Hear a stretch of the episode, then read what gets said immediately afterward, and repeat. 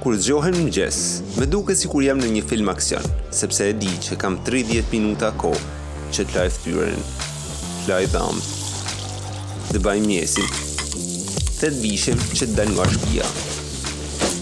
Dhe ky film aksion nuk pushon, vetëm kur futem mrena në makinë. Megjithëse energjitë i kam të plota, ajo që urrej ma tepër është ky tingull. Prandaj në këtë episod do flasim për gjumin dhe pse flejmë.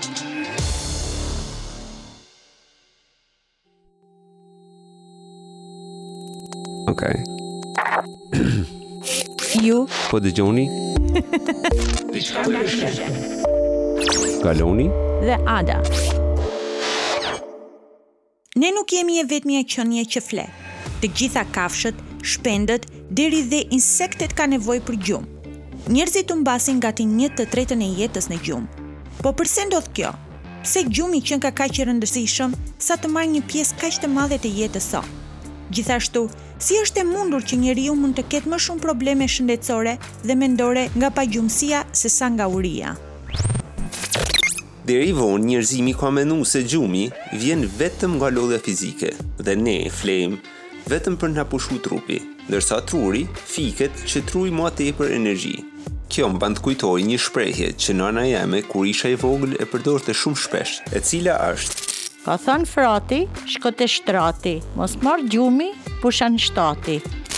Por e vërteta është se të pushosh i shtrirë nuk e zëvendëson gjumin, sepse gjumi është funksioni thelbësor që i lejon trupit dhe mendjes që të rikthejë gjitha energjitë. Shkencëtarët kanë zbulu se truri nuk fiket kur flejmë, por është po aq aktiv sa gjatë ditës dhe trupi harxhon vetëm dyqind kalori ma pak se sa po të rrinim pa gjumë. Në Greqinë e lashtë, zoti i natës ishte Nyx. dhe dy djemtë e tij ishin Thanatos, zoti i vdekjes, dhe Hypnos, zoti i gjumit.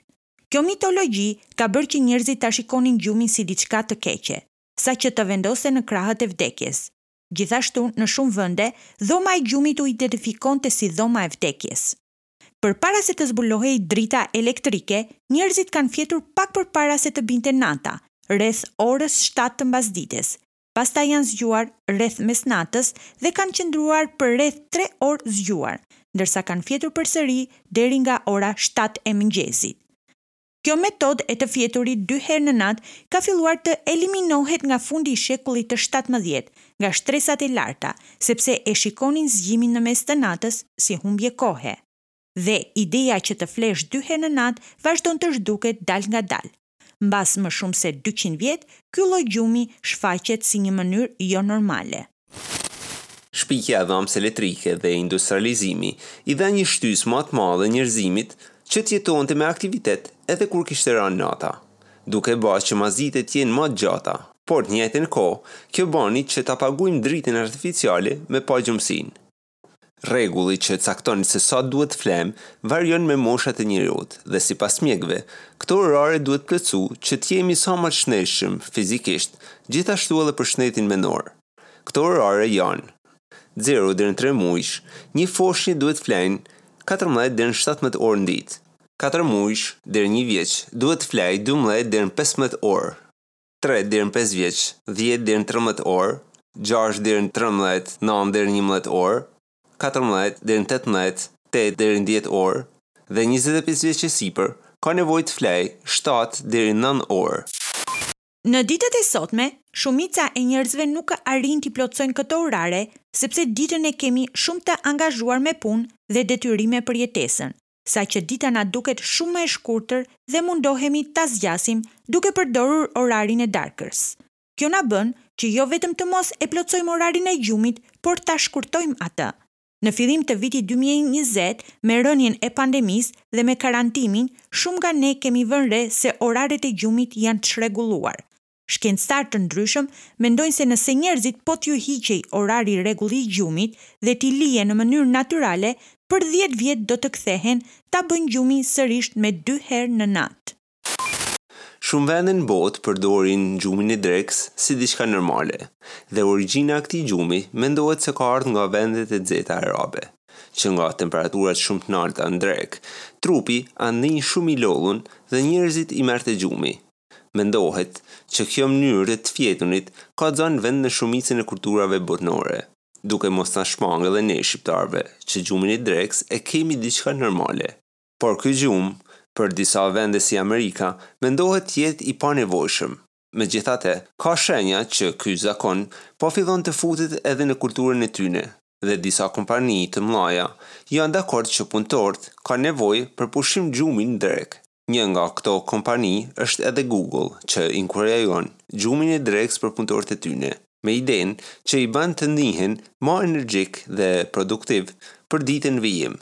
Ndoshta në një mënyrë, kjo bën edhe kompensimin e gjumit të natës që nuk asht plotësu. Që kur fillon dita, në brendësi të trurit tonë kemi një konkurrencë mes lëndëve kimike dhe sinjaleve elektrike. dhe ky kombinim mban trurin tonë vigjilent dhe konshient. Po ndërkohë energjia që konsumohet tek ne e njohur si ATP kthehet në një kimikat i quajtur adenazinë dhe kjo aktivizon neuronet që na bëjnë të flemë. Kjo ndodh në një pjesë të veçantë në mes të trurit tonë që bën mbajtjen e orarit biologjik. Ky orar biologjik funksionon me ndihmën e disa qelizave që janë shumë të ndjeshme nga drita dhe i ngacmon neuronet që të dinë se kur është koha për të fjetur. Kur gjithçka erësohet, ky orar biologjik i tregon një pjese të trurit e quajtur pineal gland të rrisi sasinë e një hormoni në gjak të quajtur melatoninë që bën të ndihemi të lodhur dhe të plogësht. Prandaj, mjekët rekomandojnë të mos përdorim celulare, laptop ose pjesë të tjera elektronike që krijojnë dritë artificiale, sepse kjo bën që truri jonë të gënjehet dhe mendon që është akoma ditë dhe na lë pa gjumë duke prishur ritmin e orarit biologjik. Në këtë mënyrë, temperatura e trupit bie, Kjo është arsyeja që shumë njerëz flenë me këmbë jashtë për të kontrolluar temperaturën e trupit. Rrahjet e zemrës bien, frymëmarrja bëhet më e qetë dhe muskujt lirohen. Kjo e fundit bën efektin të njohur si rënia hipnike. Sa herë ju ka ndodhur që në atë moment që po ju zën gjumi, zgjoheni me spazëm, sepse kishit ndjenjën e rënies nga lartësia. Ka teori të ndryshme për rënien hipnike, por teoria më e besueshme vjen nga një studim i Universitetit Kolorados, që e shpjegon këtë efekt me lidhjen e nervave të muskujve me trurin, dhe sipas këtij studimi, mendohet se kjo ndodh zakonisht nga stresi, kafeina dhe lodhja fizike gjatë ditës. dhe sidomos në orët përpara se të bim me fjetë. Kjo lodhje na bën që në atë moment që shtrihemi, muskujt i kemi shumë ma të tendosun se sa në një ditë të zakonshme. Dhe këtë truni jonë e përkthen sikur graviteti i Tokës është ma i fortë dhe trupi jonë ka një peshë ma të madhe. Prandaj kur jemi në këtë gjendje fizike dhe na zë gjumi, Në atë moment, muskujt fillojnë të çlirohen dhe sinjali që i tregon trurit tonë këtë ngatrohet, duke bërë që truri të mendojë se trupi jonë nuk po mbështetet askund. Kjo krijon rënien hipnike dhe instinkti për mos t'u rrëzu na bën që të kapemi sa më shpejt dikund, prandaj zgjohemi. Ky efekt ndodh shpesh ndër njerëz, nganjëherë edhe dy herë në natë, por gjithmonë ndodh përpara se t'ju marrë gjumi. Kjo është diçka normale, por nëse e keni për çdo natë, atëherë mundohuni t'ulni kafeinën në darkë dhe rrini shtri të paktën për tridhjetë minuta përpara se të shkoni me fjetë. Por çfarë ndodh në trurin tonë kur na ze gjumi? Kjo pyetje është e vjetër. Shkenca megjithëse ka arritur t'i përgjigjet shumë pyetjeve, akoma nuk ka një përgjigje të saktë, sepse shkenca e gjumit momentalisht është në një fazë fillestare. Eksperimentet për gjumin kanë filluar të bëhen falë aparaturave të ndryshme, siç është elektroencelefograf, shkurt e njohur si EEG, që bën matjen e energjisë së valëve të trurit.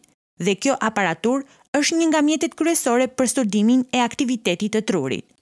EEG-ja u bë shkak që në vitin një mijë e nëntëqind e pesëdhjetë, në Çikago, një student i sapodiplomuar i quajtur Eugen Azerinsky do të përdorte këtë aparaturë që të shikonte se çfarë i ndodh trurit të njeriut kur ishte në gjumë dhe vendos që të shikojë aktivitetin e trurit të djalit të tij, Armand Azerinsky, kur flinte. Ai vuni re se aktiviteti i trunit lëvizte gjatë gjumit dhe nuk ishte njësoj gjatë gjithë natës. Gjithashtu në disa momente, truri u dukte po aq aktiv sa është gjatë ditës. Në të njëjtën kohë, diçka interesante shikohej në sytë e djalit të tij, ashtu të mbyllun, lëviznin sa majtas, djathtas, lart e poshtë dhe në drejtime të ndryshme, në mënyrë shumë të shpejtë dhe të çrregullt. Azerinski nuk e dinte pse ndodhte kjo, po ajo që dinte ishte se ky efekt ndodhte vetëm në një fazë të gjumit kur truri ishte shumë aktiv dhe trupi ishte totalisht i paralizum. Ai i dha emrin kësaj fazë REM, shkurtimi i Rapid Eye Movement, në shqip lëvizjet e shpejta të syrit. Vetëm mbas tre vjetëve, në vitin 1953, Eugen Azerinsky dhe profesori i tij, Nathaniel Kleitman, zbulun që REM ndodhte kur njeriu shikonte andrra. Sipas hulumtimeve që vijuan me kalimin e viteve, shkencëtarët kuptuan që gjumi kalon në disa faza të ndryshme gjatë natës. Këto faza përsëriten katër deri në pesë herë në natë. Gjithashtu, kjo varet edhe nga kohëzgjatja e gjumit. Këto faza ndahen në dy kategori, që janë non-REM dhe REM. Në non-REM kemi tre faza të cilat janë. Faza e parë. Kjo është faza që sapo na zë gjumi. Kjo fazë është koha që kemi gjumin më të lehtë dhe mund të zgjohemi shumë më shpejt se sa fazat e tjera. Zakonisht kjo pjesë merr pesë deri në dhjetë për qind të kohës që ne flemë. Këtu është edhe pjesa që përjetojmë rënie hipnike. Faza e dytë. Kjo fazë është pjesa që flemë në shumicën e kohës dhe merr pesëdhjetë për qind të kohës që ne flemë. Kjo është periudha që njerëzit lëvizin gojën dhe mund të kenë edhe kërcitje dhëmbësh ose siç quhet ndryshe në stomatologji bruksizëm. Faza e tretë. Kjo është faza që jemi në gjumë të thellë dhe është shumë e vështirë të zgjohemi. Kjo pjesë merr dhjetë në njëzet për qind të kohës që ne flemë. Truri në këtë periudhë duket se është në pjesën më pak aktive të gjithë natës. Pastaj gjithçka ndryshon në fazën e ardhshme që është REM. Faza REM është periudha ma interesante e gjumit, ndryshe njihet edhe si faza paradoksike, sepse në t'njejten kohë që je n'gjumë t'thellë gjithashtu je edhe n'gjumë t'lehtë. Duhet t'ju kujtoj se shumë njerëz që flasin n'gjumë janë pikërisht n'kytë fazë dhe nëse ju flet mund t'ju kthejnë përgjigje mrapa, sepse për ta. Fjalët tuaja bajnë pjesë në andrrën e tyne, duke ba që personi që po flen t'iu kthejë edhe përgjigje. Si fillim, gjumi në REM nuk merr një kohë të gjatë, rreth dhjetë deri në pesëmbëdhjetë minuta, por gjatë natës, kjo fazë ripërsëritet, duke u ba ma e gjatë dhe ma e theksume.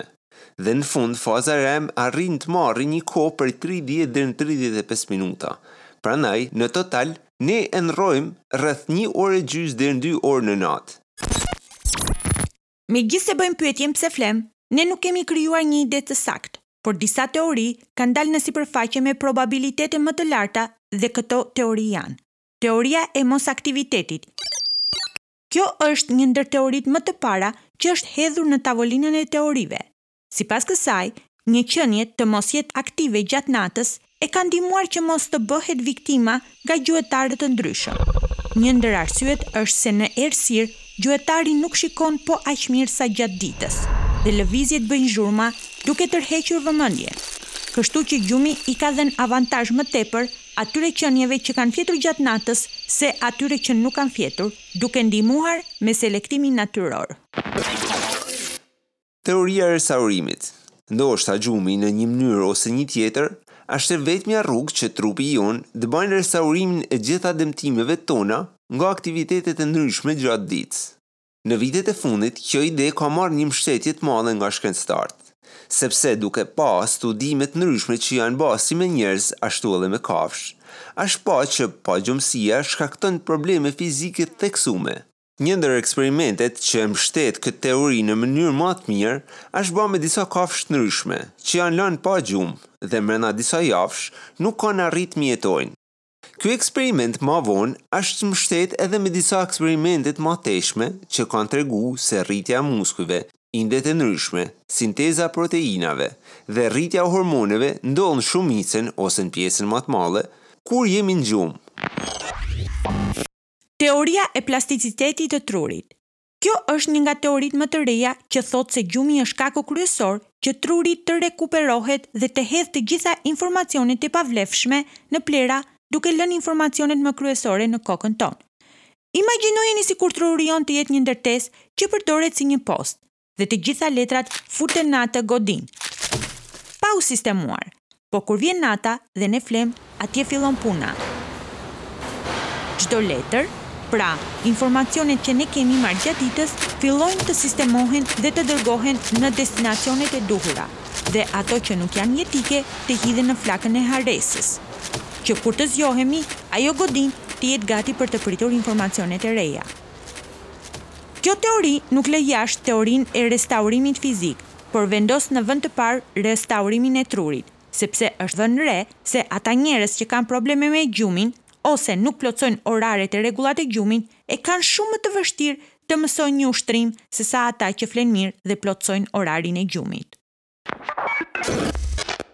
Këto ishin tre teoritë që kërkojnë gjejnë arsyen e gjumit për njeriun. Por çfarë i ndodh njeriut nga pagjumësia? Më njëzet e tetë dhjetor të vitit një mijë e nëntëqind e gjashtëdhjetë e tre, një shtatëmbëdhjetë vjeçar kërkon t'i kthejë përgjigje kësaj pyetje, duke torturu veten e tij me detyrën që të rrinte njëmbëdhjetë ditë pa gjumë. Ai ishte Randy Gardner, një student në shkollën e mesme Point Loma në San Diego, i cili me arsyen e projektit shkencor për shkollën, kërkon të thyejë edhe rekordin e librit Guinness për pagjumësinë. Me ndihmën e dy shokëve të tij, ai fillon këtë eksperiment duke dokumentu çdo aktivitet fizik dhe mendor. Këtij eksperiment iu bashku edhe Doktor William Dement i cili, me sapo të marrë vesh se çfarë po ndodhte në këtë shkollë, merr avionin dhe niset nga Universiteti i Stanfordit. Gardner ditën e parë dhe të dytë e kaloi pothuajse shumë lehtë, Por, mbas dyzet e tetë orëve pa gjumë, problemet filluan të shfaqen një nga një. Si fillim, sytë e tij nuk arrijnë të fokusohen dot në një vend të caktuar. Pastaj sensi i prekjes nuk arrin të funksionojë në mënyrën e duhur, duke bërë që mos të kuptojë se çfarë janë objektet që ai prek me duar. Mbas ditës së tretë, e ka të zorshme të koordinohet me udhëzimet që jepeshin. Në të njëjtën kohë, u bënte dhe nevrik. Ditët në vijim, këto simptoma vazhdojnë dhe bëhen më të theksuara, derisa në ditët e fundit filloi të ketë halucinacione dhe të bëhet paranoik. Probleme me memorien filluan të bëhen aq të theksuara sa që nuk mbante mend as gjërat që kishte bërë para pesë minutash. Një nga këto shembuj ishte kur i thanë të zbriste numrin shtatë duke ia filluar nga njëqinta, ai u ndal në gjashtëdhjetë e pesë. Dhe kur e pyetën pse u ndal, ai tha, Nuk e di se çfarë po bëj. Mbas marimit të eksperimentit, ai arriti të rrijë pa gjumë për dyqind e gjashtëdhjetë e katër pikë katër orë pa ndërprerje, duke i arritë edhe qëllimit që të thyjë rekordin e librit Guinness, i cili do ishte rekordi i fundit i regjistrum në atë libër për pagjumësinë. Arsyeja për ta ndalu pagjumësinë nga libri Guinness ishte prova që vetë ky eksperiment dha. Gjithashtu padituria e efekteve anësore dhe sa do të ishte gjatësia e shfaqjeve të këtyne efekteve. Me sa duket ky vendim ka pas të drejtë. Sepse në vitin dy mijë e shtatëmbëdhjetë, Randy Gardner për një intervistë që i ka dhanë NPR, ka deklaru që në moshën pesëdhjetë vjeçare ka fillu të vujë nga pagjumësia. Megjithëse askush nuk mund ta provojnë lidhjen direkte të saj me eksperimentin e tij, ai mendon që kjo ka lidhje direkte, sepse sipas tij, njeriu ka nevojë për tre pikat kryesore për mbijetesën, që janë, ajri, uji dhe gjumi. Dhe unë, siç thotë ai, kam lujt me këtë të fundit. Tani, nëse keni ardhur deri në këtë pikë të podcastit dhe jeni akoma duke na dëgjuar, do të thotë se ky episod ju ka pëlqyer. Prandaj, bëni një like, një koment dhe subscribe, që të jeni gjithmonë të informuar kur të dalim me episode të reja. Natën e mirë dhe gjumë të ëmbël!